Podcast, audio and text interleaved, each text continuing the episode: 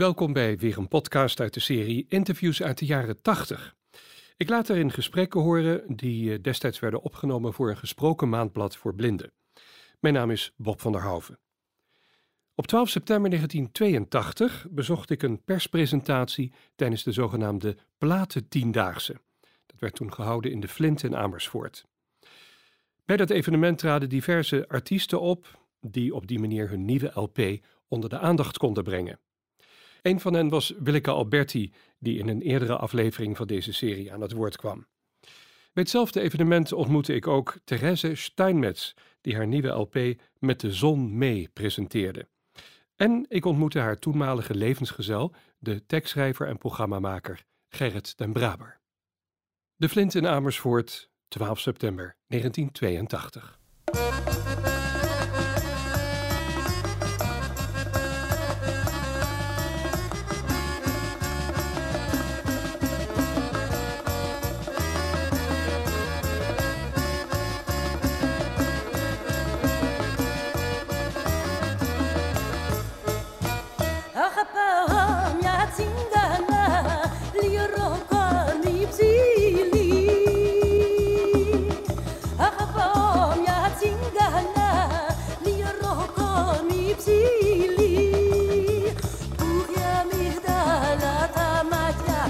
και το μελί στο φίλι που είχε τα μάτια και το μελίστο φίλι.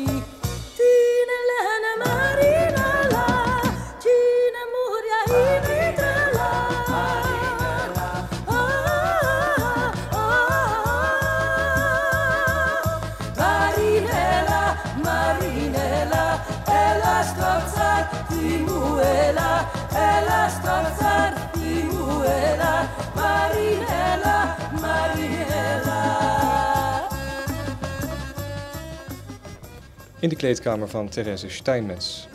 Zojuist is uitgekomen haar nieuwe LP met De Zon mee, op CNR-label, met de Nico van der Linden Band. Therese, hoe was het om met eh, de Nico van der Linden Band samen te werken? Nico van der Linden groep hoor, geen band. Dat is, uh, bij deze muziek uh, zou het woord band volledig andere associaties oproepen. Want het is uh, wat volksliedachtige muziek uit verschillende landen, voornamelijk zonnige landen. Vandaar de titel met de zon mee. Dus lieke uh, landen als Griekenland, Spanje en ook Zuid-Amerika, het Caraïbisch gebied. En, uh, en bij dat soort muziek past dus geen band. Hè? Het, de groep van Nico van der Linden bestaat uit uh, drie man die mij altijd overal begeleiden. Waar ik optreed, zowel in binnen- als buitenland. We zijn dus een vaste een vaste groep eigenlijk met elkaar. Maar op deze plaat hebben ze, behalve, ze kunnen natuurlijk nooit meer dan één instrument tegelijk spelen. Dat wil zeggen, niet altijd. Want onze drummer, Ewout Zeldenrust, die speelt vaak met zijn voeten, uh, uh, bespeelt hij de drums. En met zijn handen en zijn mond de fluit, de dwarsfluit. Maar uh, onze bassist, Fred Snel, die speelt bas, maar op de plaat ook bouzouki. En Nico van der Linden speelt uh, in principe eerst piano, maar daarnaast ook accordeon en gitaar en alle mogelijke percussie-instrumenten. En zo hebben we dus met z'n vieren als het ware deze hele plaat uh, uh, met instrumenten ingespeeld. Zodat het een klein orkest lijkt. En dan van ieder liedje, wat dus uit de verschillende, uiteraard dan iets ander instrumentarium bij. Bijvoorbeeld uh, Caraïbische of Zuid-Amerikaanse liedjes dan bij Griekse liedjes. Mm. Ja, een uh, bekend punt waar denk ik uh, het altijd weer op neerkomt in een interview met jou is natuurlijk die enorme populariteit van je in Roemenië. Heb je zelf een theorie hoe dat ontstaan is? Of een verklaring? Nou, ontstaan, dat is niet zo uh, uh, geheimzinnig hoor. Dat komt in de eerste plaats omdat ik alweer jaren geleden daar ooit een songfestival heb gewonnen. Maar die muziek in, interesseert me en sindsdien ben ik daar vaak uitgenodigd om op te treden. Maar we treden niet alleen in Roemenië veel op waar we bekend zijn, maar ook in Spanje en heel veel de laatste jaren in Zuid-Amerika. En dan zingen we veel Spaans. Maar ja, dat weten de mensen hier niet zo. Mensen weten dat erg van het Roemeens. Dat is ook muziek die Nederlanders erg aanspreekt. Maar nu met deze plaat hoop ik dat, ze ook een beetje, dat het een beetje bekend wordt dat ook veel Spaans doen.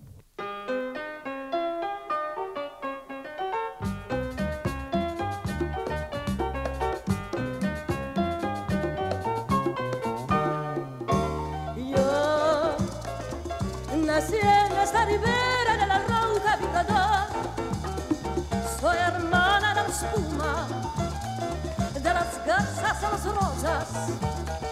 Soy hermana de la espuma, de las garzas a las rosas y del sol,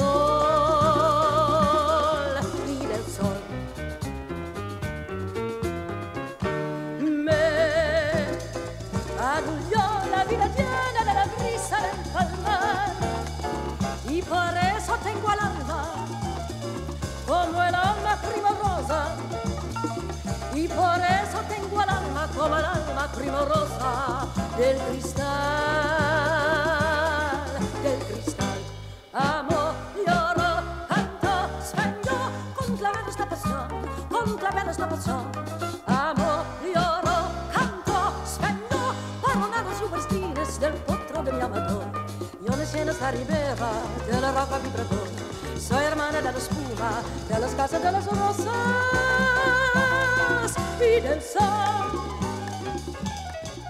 Waar haal je toch al die talen vandaan? Je bent een beetje een talenwondertje, kan je wel zeggen. Nou. Want ik heb wel eens gelezen Papiamento, Spaans, Grieks, Turks, Ja. Roemeens. Staat er allemaal op op de plaat, maar ook eh, in het Nederlands vertaalde liedjes hoor. Dus het is niet allemaal onverstaanbaar.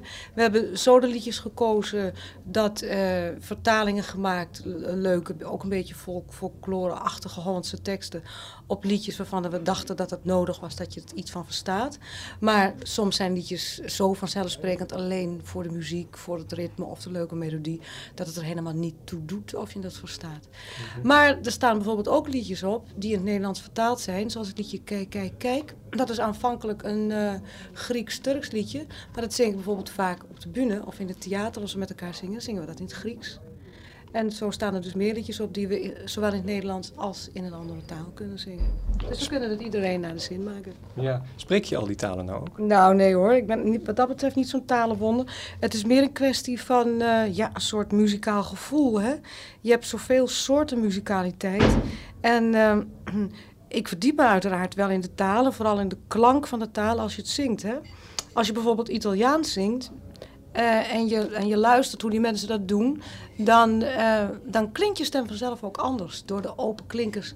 Ik heb eens een keer een Italiaanse plaat gemaakt, dacht ik, ben ik dat? Herkende ik mijn eigen stem niet meer, want als je dan echt zo gaat zingen als Italianen zingen, krijg je gewoon een heel andere stem. Nou is het niet de bedoeling dat ik die liedjes eh, allemaal compleet met een andere stem zing, want dan wordt het zo onherkenbaar en onpersoonlijk. Maar ik heb dus wel geprobeerd om zoveel mogelijk mijn eigen stem en mijn eigen manier van zingen te houden, maar toch een beetje de sfeer in die de taal dan met zich meebrengt.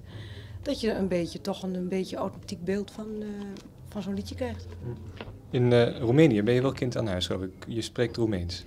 Nou, ik- een beetje hoor. Eh, Toch, eh, kijk, wil je een taal goed spreken, dan moet je er toch een paar maanden wonen en zo. En dat, eh, omdat iedereen toch altijd daar Frans of Engels of Duits tegen me spreekt, eh, komt dat niet zo, eh leer dat niet echt. Maar een, een beetje verstaan. En uiteraard, wat liedjes betreft, weet ik precies wat ik zing. Ik hoorde wel eens mensen beweren dat je ook Roemeense familie hebt. Of is dat een Nee hoor, verzinsel? helemaal verzinsel. Ik ben echt helemaal gewoon Amsterdamse vader en moeder. We zijn wel van wat van buitenlandse afkomst in het voorgeslacht, maar ik ben Amsterdam geboren en getogen en mijn vader en moeder ook. Nou, dan is dat ook gelijk de wereld Ja. uit. Ehm, wat betekent het land Roemenië voor je om op te treden? Het volk, het land? Nou, het is gewoon fijn om op te treden, maar je legt al zo de nadruk op Roemenië. Ik vind het leuk. Ik, ik heb hier een, nogal een grote Roemeense kennissenkring en ik ben altijd dol op die muziek. Het is echt mijn favoriete muziek wel. Maar eh, we treden ook, als je nagaat dat we weer zes weken naar Zuid-Amerika gaan, zijn we daar ook veel. Dus het is zo dat eh, eh, voor Nederland ligt altijd een beetje het accent op Roemenië. Dat komt geloof ik omdat de Nederlanders zoveel van die muziek houden. En misschien ook wel omdat we zo in theater regelmatig optreden met dat soort muziek. Bijvoorbeeld met André Serban. Je kent eh, de beroemde zoon van de beroemde Gregor. Heeft een fantastische groep eh, muzikanten. En daar spelen ze dus in de eerste plaats veel Roemeens mee, maar ook Hongaars en van alles en nog wat. En hebben we een eh, muzikale show, zou je bijna kunnen zeggen. Folkloristische muzikale show waar we mee door het land in de theaters trekken. En ehm, daar maken we een soort muzikale reis door de Balkan, maar ook Turks en Grieks en Roemeens. Maar eh, alles krijgt zo'n beetje evenveel aandacht. En er is ook een dansgroep bij, de dansgroep Nietsanin. Dus het is een vrolijk wervelend eh, gedoe.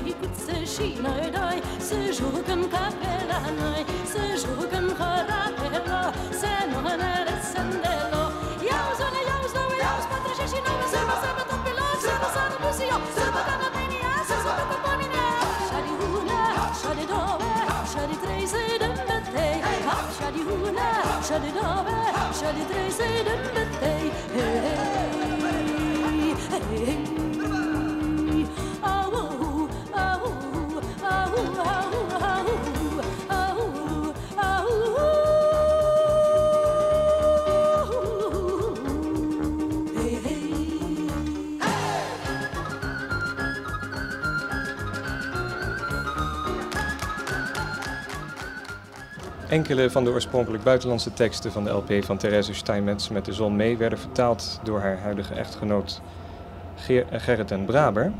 Ehm, in een kritiek las ik, u hebt vertaald eh, het liedje Dubrovnik en dat kreeg een heel aparte titel mee. Wie heeft daar aan de worst gezeten? Hoe komt u daar nou aan? Nou, kijk, het liedje komt uit Dubrovnik. Het is niet een eh, liedje dat oorspronkelijk Dubrovnik heet. Het is een, eh, oorspronkelijk een volksliedje. En het is geen vertaling. Het, eh, het is een, eh, laat ik zeggen, een hertaling. Een vrije bewerking van het werk. Ik werd een beetje gegrepen door de melodie. Ik vond dat erg eh, leuk. En ja, hoe kom je op een tekst? Dat, is precies hetzelfde als kom je aan een inval, hoe schrijf je een limerick of een gedichtje. Je wordt op een gegeven moment geconfronteerd met een gedachte. En eh, nou, die probeer ik dan altijd in, eh, in rijmende woorden of rijmende zinnen om te zetten. Omdat dat een beetje een ziekte is waar je niet zo makkelijk meer van afkomt. Ik heb dat nogal eh, veel gedaan in mijn leven.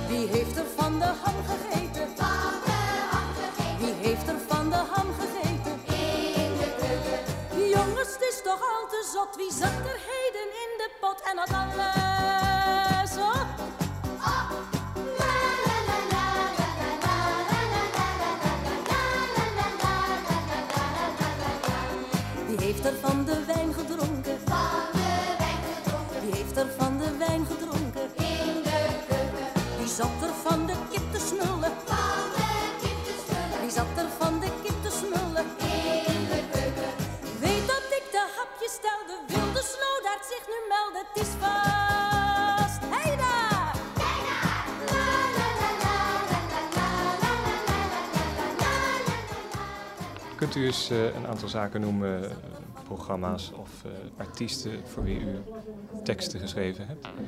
Ja, ik heb voor de volgende artiesten teksten geschreven. En Dat is een hele rij hoor. Dus voor Therese, voor Connie van der Bos, Roosje mijn Roosje, Sjaki van der Hoek, Drie Zomers Lang. Voor Rita Hovink, die helaas overleden is. Het lied Laat me alleen. Ik heb voor Rob de Nijs geschreven Ritme van de Regen. Corrie Brokken, La Mama. Bijna het hele repertoire van Willeke Alberti. Het Oude Huis, eh, Spiegelbeeld vroeger. De winter was lang. Eh, Anneke Grunlo in de tijd voor Ramse Shaffi, voor Lisbeth List, voor eh, Cornelis Vreeswijk. Wat een van mijn beste vrienden is geworden.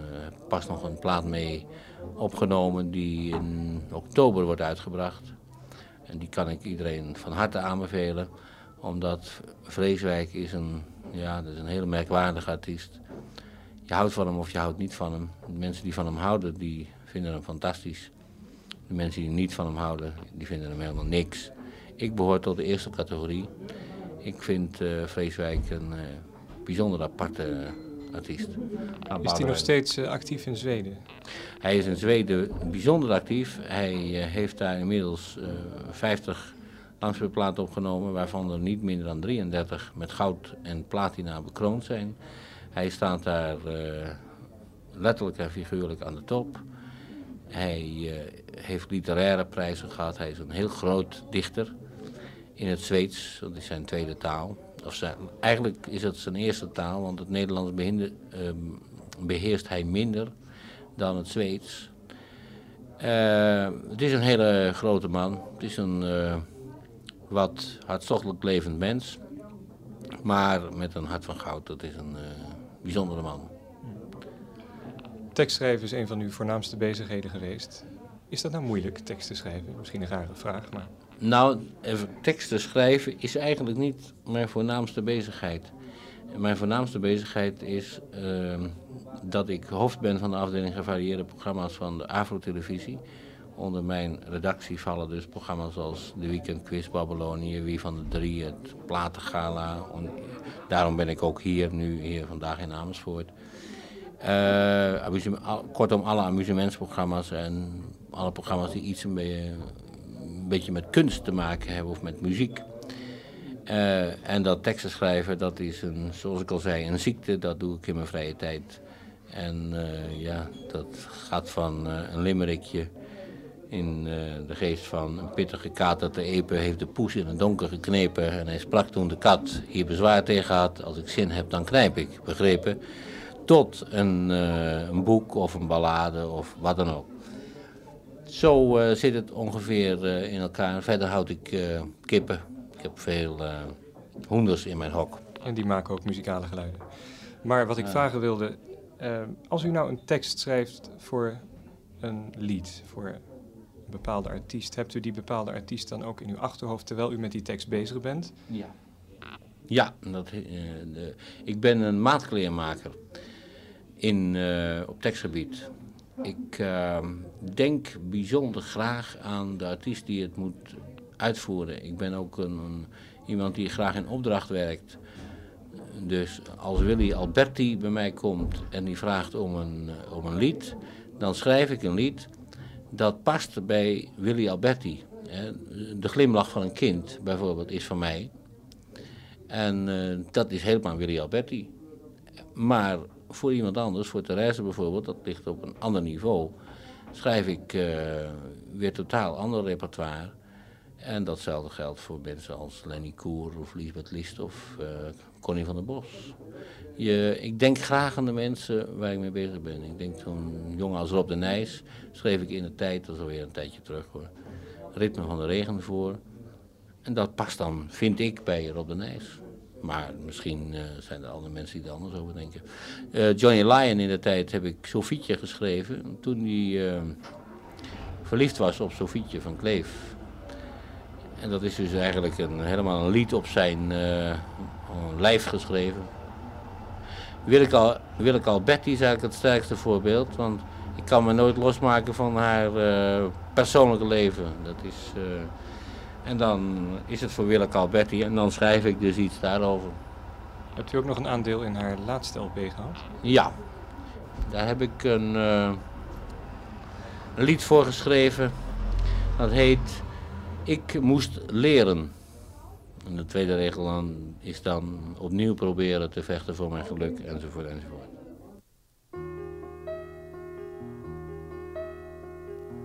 Ach jongen, mijn jongen, niemand snapt het echt. Dat een hart geen automaat is en voor ware liefde vecht. Nu jouw pad het mijne kruist, begrijp ik het pas goed.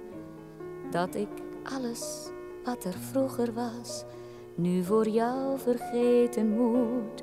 Oh, want ik moet leren, opnieuw proberen te vechten voor mijn geluk.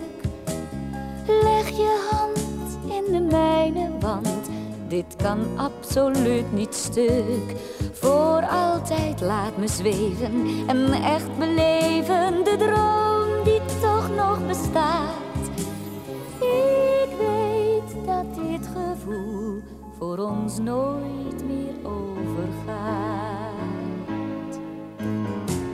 Twee mensen, twee wensen, twee in één vervulling. Het is een. Eh, ja, ik roep altijd uit: het is geen Shakespeare. Maar eh, ja, Shakespeare staat niet in iedere boekenkast. Je moet toch proberen op het eh, stroompje van het amusement, het bootje van de instructie. eh, ik ben al blij als ik één of twee zinnetjes in zo'n tekst heb waar misschien over nagedacht kan worden. Want ik heb er zelf ook over nagedacht, heel vaak. De uitvoering die artiesten in het algemeen geven aan uw werk, bent u daar nou tevreden over? Of eh, denkt u ook wel eens van nee, zo, zo had ik het toch niet bedoeld, wat er nou van gemaakt wordt? Ja, ik ben over het algemeen wel tevreden over de uitvoering van de teksten die ik eh, schrijf voor bepaalde mensen, omdat ik van tevoren weet wie het zijn. En dan kan dat bijna niet tegenvallen, maar soms word je wel eens verrast door uitvoeringen die ehm, veel beter zijn dan je had voorgesteld. Ik herinner mij, ik schreef de vertaling van La Mama van Asnavour voor Corrie Brokker. En ik hoorde voor het eerst de, de band, want dat was door iemand anders geproduceerd. Ja, en ik kreeg kippenvel van. Dat vond ik zo ontzettend goed eh, van die vrouw. Dat was fantastisch. En dat heb ik in heel hevige mate gehad met Laat maar alleen van Rita Hovink. Betreur nog dagelijks het overlijden van Rita Hovink, veel te jong gestorven. En dat vond ik een eh, zangeres van uitzonderlijke klasse. Die zong met een hele persoonlijkheid en een hele hart. En ik was eh, werkelijk perplex door de wijze waarop ze mijn eh, tekst Laat me alleen had uitgevoerd. Dat is een plaat die ik eigenlijk nog graag draai, vooral in nostalgische momenten. Alleen ben, voel ik het dichtbij.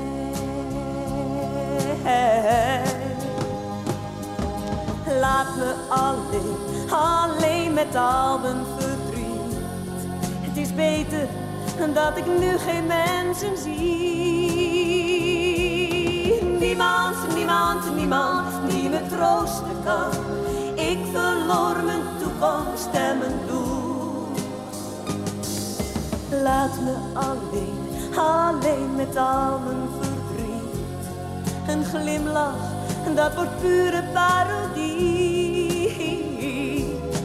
Iemand, iemand, iemand die gelukkig was en verloor, begrijp wat ik bedoel. Laat me alleen.